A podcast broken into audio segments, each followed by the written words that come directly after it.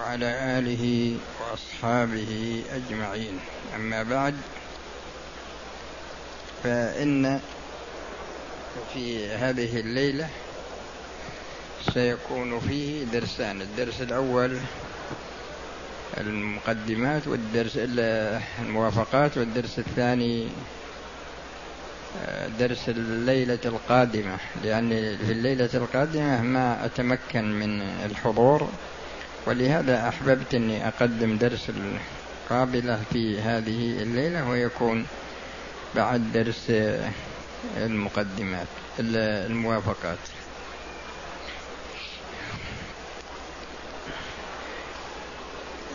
في في درس هذه الليلة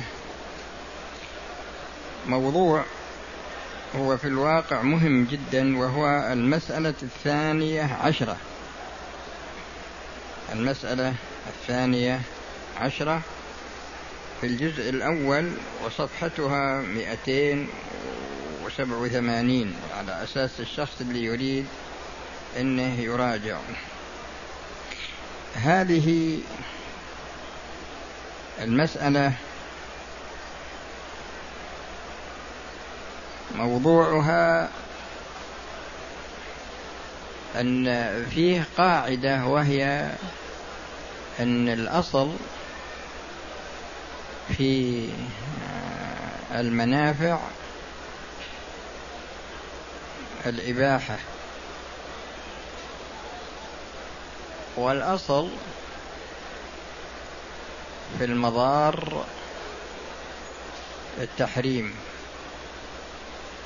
الأصل في المنافع الإباحة هذه قاعدة والقاعدة الثانية الأصل في المضار التحريم.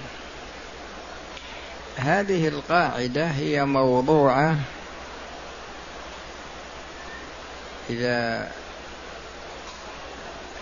حصل معارضة للإباحة. إذا حصل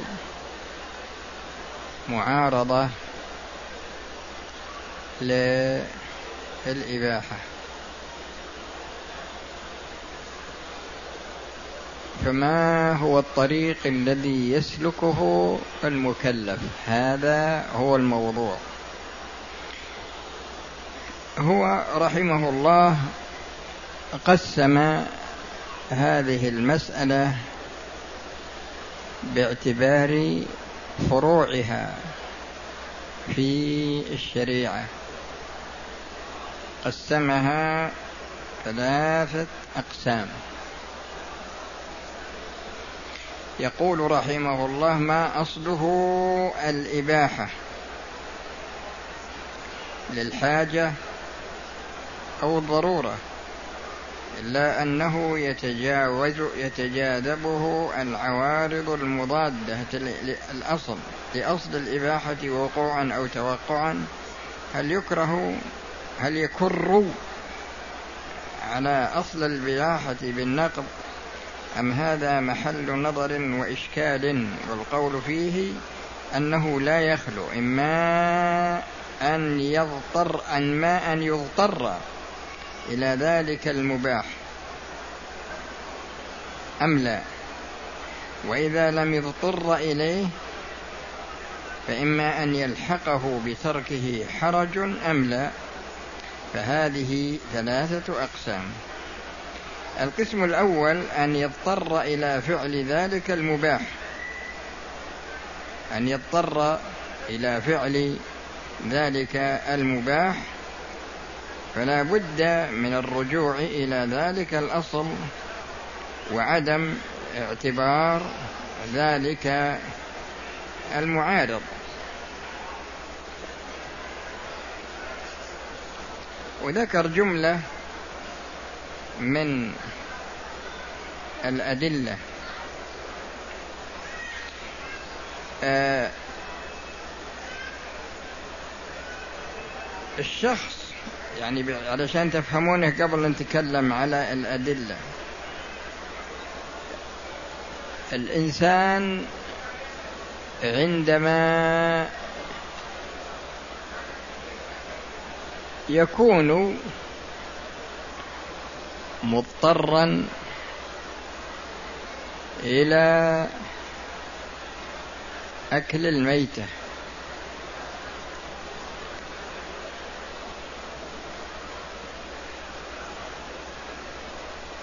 إذا نظرنا إلى حالته وجدنا أنه يخشى على نفسه من الهلاك.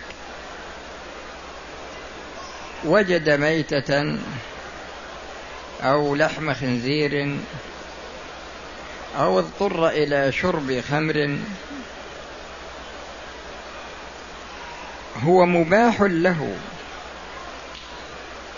أن يأكل الميتة وأن يأكل الخنزير. لكن إذا نظرنا إلى الشيء الذي يأكله والشيء الذي يشربه وجدنا أنه محرم من حيث الأصل ووجدنا أنه مضر. فيه ضرر لأن الله ما يحرم شيء إلا لما يشتمل عليه من الضرر. فهل نقول له لا تأكل من هذه الميتة ولا تأكل من هذا الخنزير ولا تشرب من هذا الخمر لأننا نغلب جانب الضرر. نغلب جانب الحضر. والجواب أنه لا ينظر إلى جانب الحظر من جهة ولا ينظر إلى الضرر. لأن في الخمر يقول الله جل وعلا يسألونك عن الخمر والميسر قل فيهما إثم كبير ومنافع للناس وإثمهما أكبر من نفعهما. فضرر الخمر أكثر من نفعه.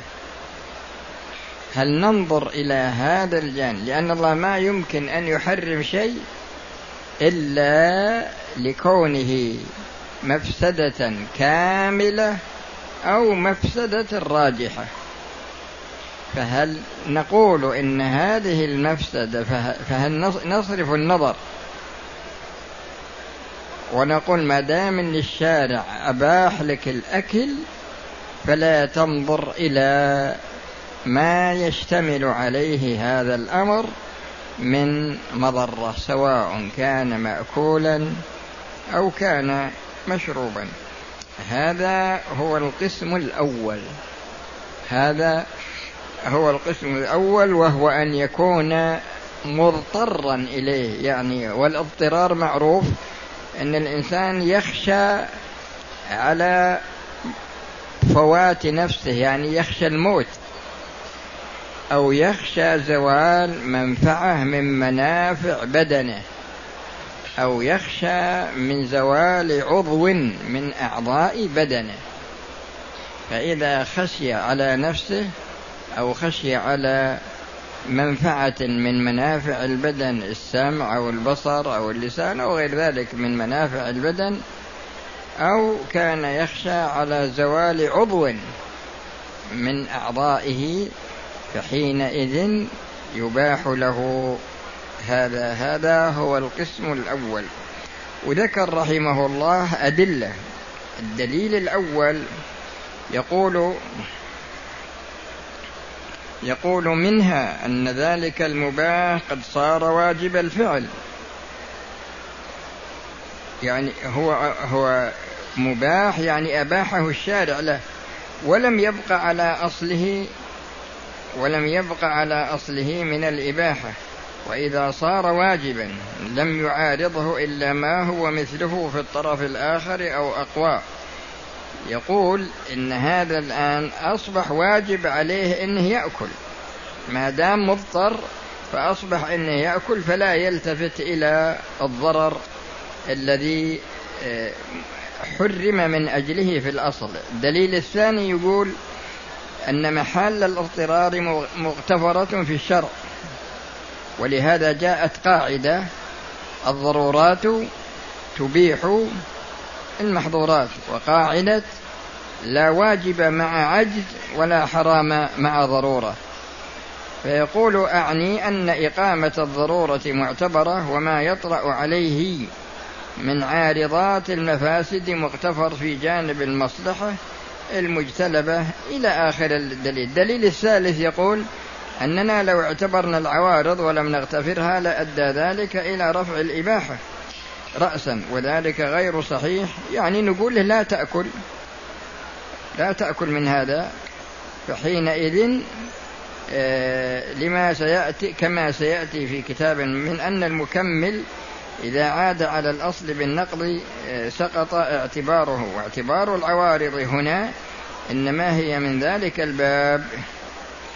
فإن البيع والشراء حلال في الأصل فإذا اضطر إليه وقد عارضه موانع في طريقه ففقد الموا ففقد الموانع من المكملات كاستجماع الشرائط. وإذا اعتبرت أدى إلى ارتفاع ما اضطر إليه وكل مكمل عاد إلى أصله بالنقض فباطل. يعني قصده يقول أن الإنسان مثلا إذا اضطر إلى شراب عند الغير أو اضطر إلى طعام عند الغير فإنه يباح له أن يشربه ويباح له أن يأكله لكن بشرط دفع ثمنه. القسم الثاني ألا يضطر إليه يعني يقول ما يصل إلى درجة الاضطرار لكن يصل إلى درجة الحاجة. والمقصود بالحاجة هنا الذي التي تنزل يعني الحاجة الشديدة ولكن يلحقه بتركه حرج.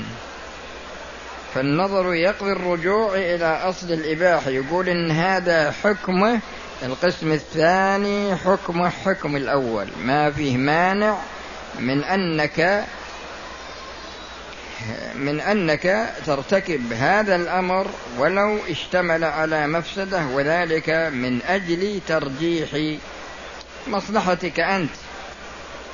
وذلك من أجل مصلحتك أنت ويقول لقوله تعالى وما جعل عليكم في الدين من حرج وذكر بعض الأمثلة قال وقد أبيح الممنوع رفعا للحرج كالقرض الذي فيه بيع الفضة بالفضة ليس يدا بيد وإباحة العرايا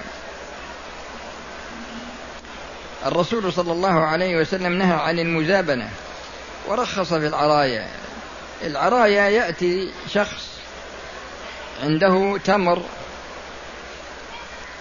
قديم ويريد أن يبدل أن يبدله بتمر جديد على رؤوس النخل. فيأتي إلى صاحب نخل ويقول له عندي مئة كيلو أو ألف كيلو وأريد أنك تعطيني نخلة ولا نخلتين بهذا المقدار.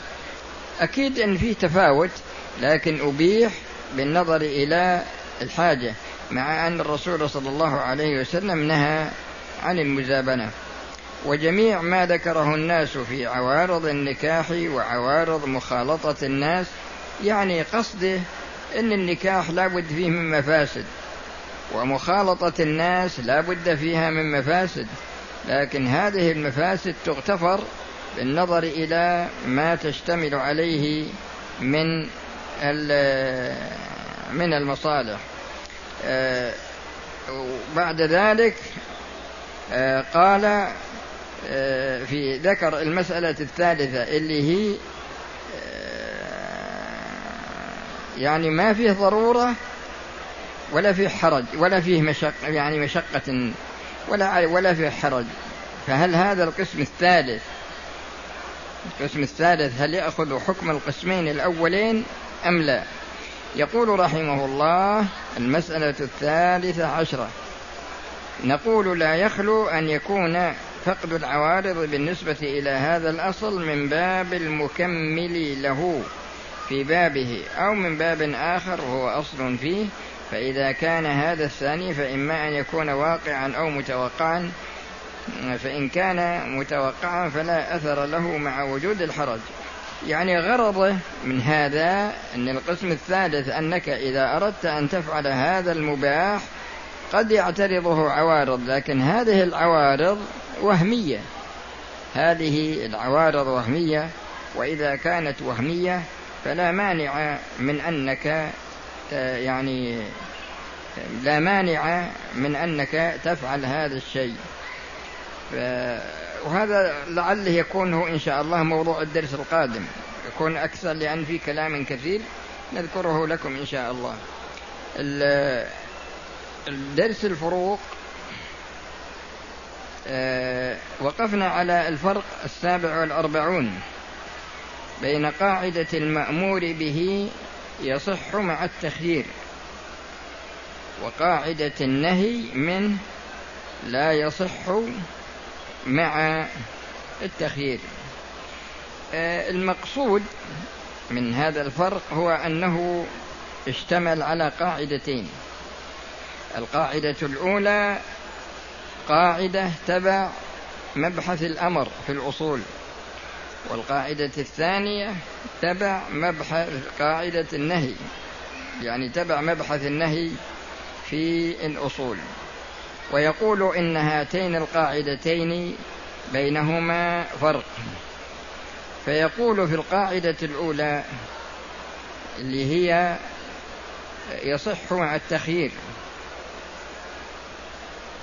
مثل خصال الكفارة. خصال الكفارة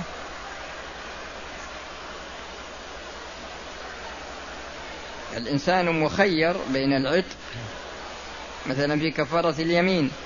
بين العتق وبين الكسوة وبين الإطعام. هو مخير بأن يكفر عن أي واحد يعني يكفر بأي واحد منها ويكون مجزئا. لكن لو قال القاعدة الثانية لو قال شخص لا تضرب زيدا أو محمدا لا تضرب زيدا أو محمدا. فهذا نهي فيه تخيير.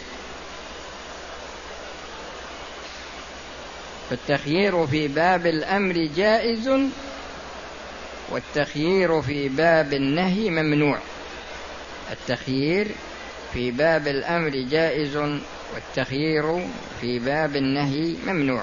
فلو قال لا تضرب زيدا أو محمدا لا يصح هذا التخيير وتقرؤون بقية الكلام اللي ذكره لكن هذا هو المقصود.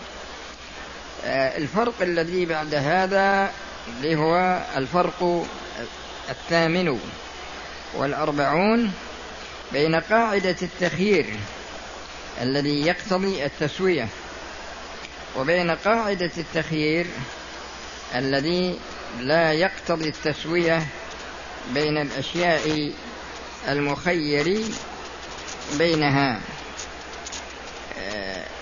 المقصود من هذا وذكر أيضا قاعدتين هنا لأن كل فرق من الفروق التي ذكرها كل فرق يشتمل على قاعدتين.